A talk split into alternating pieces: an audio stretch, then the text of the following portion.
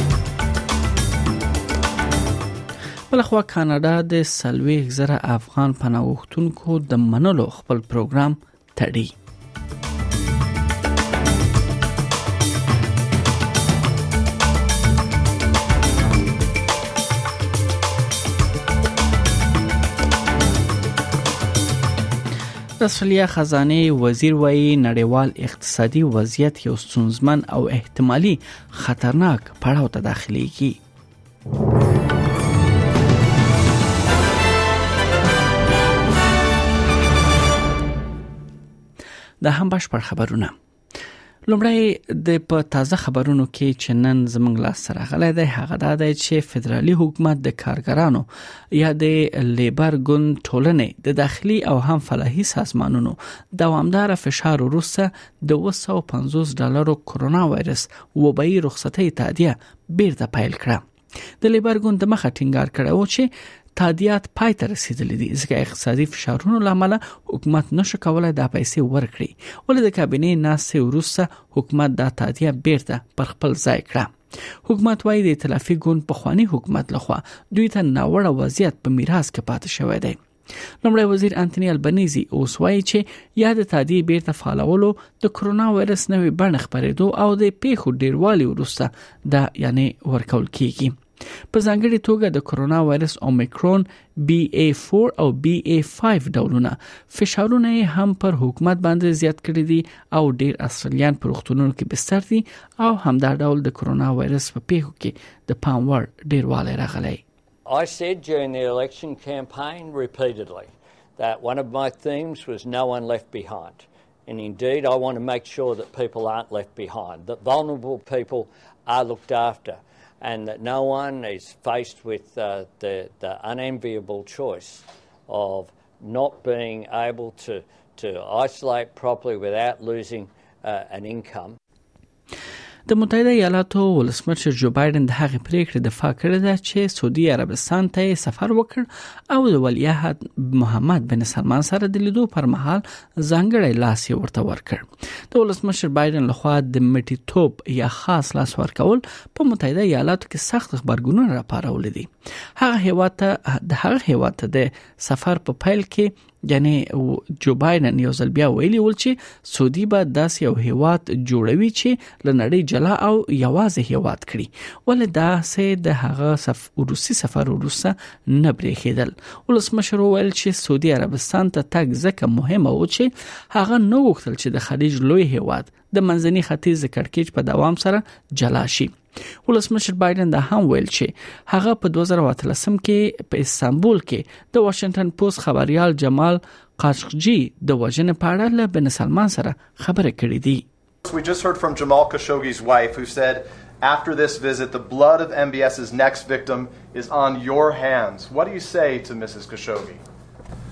I'm sorry she feels that way. I was straightforward back then. I was straightforward today. I came here to meet with the GCC and nine nations to deal with the security and, and uh, the needs of, of the free world, and particularly the United States, and not leave a vacuum here. بلخوا د کاناډا دولت د هیواد ته د سلويخ زره افغان پناهغښتونکو د منلو خپل پروګرام تړي د کاناډا د کډوالو چارو وزارت ویل دي تر اوسه د 18000 افغانانو غوښتنلیکونه سړلې دي او د دوی پروګرام د نورو کسانو د منلو او کاناډا ته د سوالو توان نه لري د کډوالو د حقونو ملاتړ ویل دي چې د پریکړې افغان کډوال چې غواړي نور هیوادونو ته لاړ شي نه هلي کړی دي او دوی لا ډیر خطر سره مخامخ کړي دي دا پروګرام د طالبانو لبیا واک ته رسیدو سونه وړاندې اعلان شوی او د کاناډا لومړي وزیر جسټن ټریډو ویلي و چې د دې پروګرام لاره به سلوي اکثر افغانان کاناډا ته لیکدول کیږي خو اوس دغه هوا د کډوالو چارو وزارت ویلي دي نور هغه غوښتنلیکونه نشي منلای چې دغه هواد د دفاع وزارت ورته سپارل دي که څه هم د کډوالو د دې ځنګړي پروګرام انټرنیټي پاڼه فعال ده خو د کاناډا د کډوالۍ د چارو وزارت یو وایان ویلي دي دا پروګرام د نورو کډوالو د منلو ظرفیت نه لري بلخوا د سولې د نوبل جایزې ګټونکې ملالۍ یوسفزۍ بنسټ او د بشري حقوقو مدافعینو په افغانستان کې د 300 ورځو راهیسې د جنونو د خوانځیو تړل کېدو ته په اشاره په یو پرانیس لیک کې د نړۍ له مشرانو غوښتي دي چې د هغوی د راتلونکو څخه د ملاتړ لپاره خپل پیوستون په کلماتو نه بلکې په عمل کې څرګند کړي په لیک کې راغلي دي چې درې سو ورځ کېږي چې په افغانستان کې د جنونو پر مخ خوندې تړلې دي د جنونو پر ذکر د طالبانو بندیز چې څومره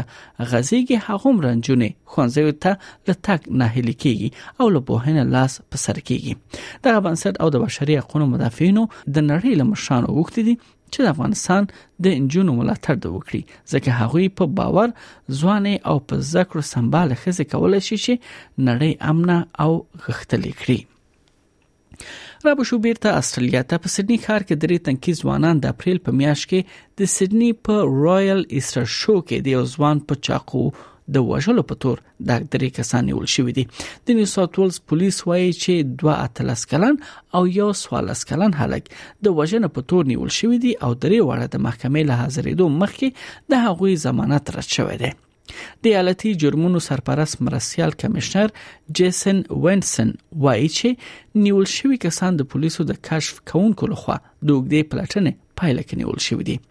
ولس کلن یوتی فالتول د روان کال د اپریل په 11مه د دوشنبه پر ورځ پیسر شو کې په چړو ووخل شو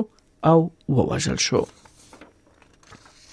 بل خو د انګلستان د راتلونکي لومړي وزیر کېدو لپاره پاتې 15 کاندیدان د دریو پلان شو تلویزیوني مناظرو په لمړیو کې سره یعنی دوی مخامخ شوې دي د بهرانیو چارو وزیر لیز تروس برتانیا د لوړپوړي ډیپلوماټ او سوداګرۍ په خوانی منشي په توګه خپل نړیواله تجربه په ګوته کړې ده او ژمنه کړې ده چې د بریگزیټ وروسته سوداګریز شخړو کې به له اروپאי اتحادیه سره سخت دریز غوړه کړي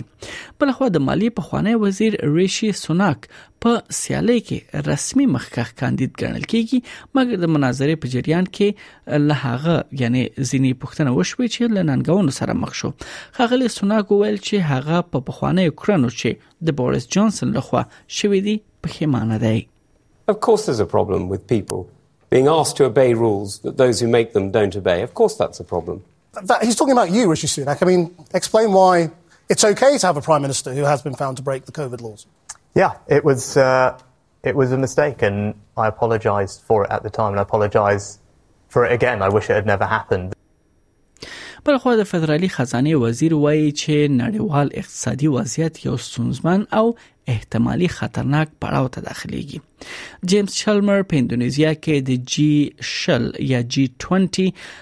چې هغه د نړۍ شل ستر اقتصادي هیوادونه دي د هغې د مالی وزیرانو او د مرکزی بانک والیانو سره په سرمشریزه کې ګډون کړی دی هغه غونډه ته وویل چې پر اوکراین د روسي يرغل بیا د کووډ 19 وبا لامل رامنځته شوی اقتصادي ګډوډي لا نور هم وګړه کړې ده په اوکران کې د جګړې د اغیزو په اړه د هغه اندېښنه د هغه انډونیزیایي سیال سری مولانی اندرواتي سره هم شریکه کړې ده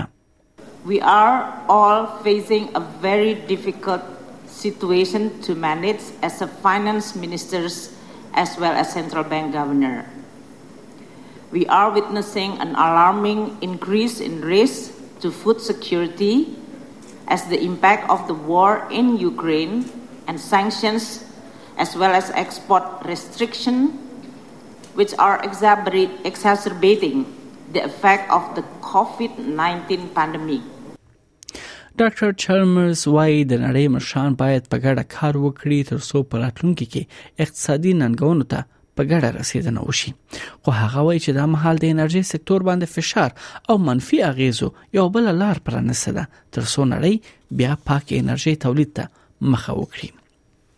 بل خو د استرالیا ایالت او هم سیمه حکومتونو موافقه کړې ده چې د کور او بیکور کېدونکو ننګونو ته به دوی رسیدو لپاره د فدرالي حکومت سره په ګډه کار وکړي د ایالتونو او سیمه ییزو کورونو وزیرانو په ملبون کې ل خپل فدرالي سیال سره وکتل دا د 2018 کال اکتوبر راهیسه د وزیرانو دا ډول لومړنۍ غونډه ده د فدرالي حکومت د ټاکنو ژمنې د ملي کور جوړونې او بیکور کولو پلان رامنځته کول د حکومت د ټولو کچو معلوماتو او همکارۍ ته اړتیا لري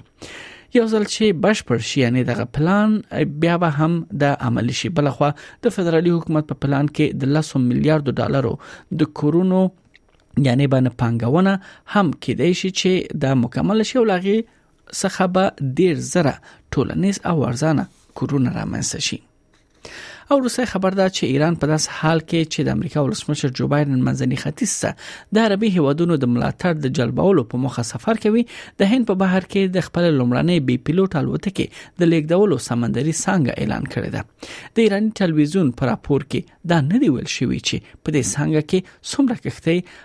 او ډرون شامل دي ولې یوازې یو کښتۍ چې 50 بي پیلوټ الوتکې لیکدوي دغه انزورونه خبره شوې دي په کښتیو کې دواړه سطحي کښتۍ او سب مرینونه او همدارنګه د ځمکې لاندې کولو دزګه شامل دي د جمعې پورز د ایران د سمندري ځواکونو لخوا په خبره شوې ویډیو کې د اډمیرل شهرام ایرانی سره د بي پیلوټه الوتکو په ګډون کښتۍ خودل شوې دي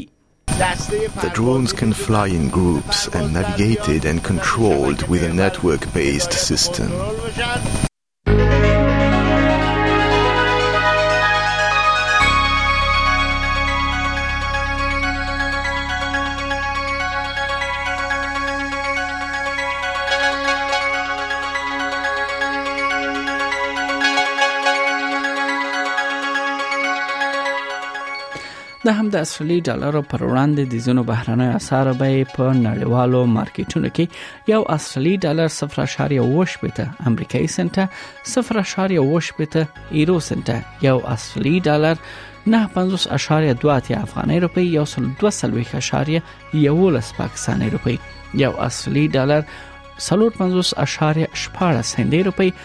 2.9 سلويخ اماراتي درهم او 0.50 انګلیسي پنسه ارزښت لري د هم د سړیا د زونو خارونو نن لپاره د تودوخه تر ټولو لوړ درجه هغه هم د سانتیګریډ په کچه په سیدنی کې اسمان برګ دی لوړه درجه 14 سانتیګریډ اټکل شوې ده په ملبورن کې هوا باراني د 11 په برزبن کې هوا لمریزه د 21 په پرت کې هوا باراني د 19 په اډلېډ کې هوا باراني د 14 په هوبر کې اسمان برګ دی 14 په کمبيرا کې او اسمان برګ دی نه او په اخر کې داروین ښار دی چې هغه کې هوا مریضه ده او د تودوخه تر ټولو لوړه درجه 28 سانتیګریډ اټکل شوې ده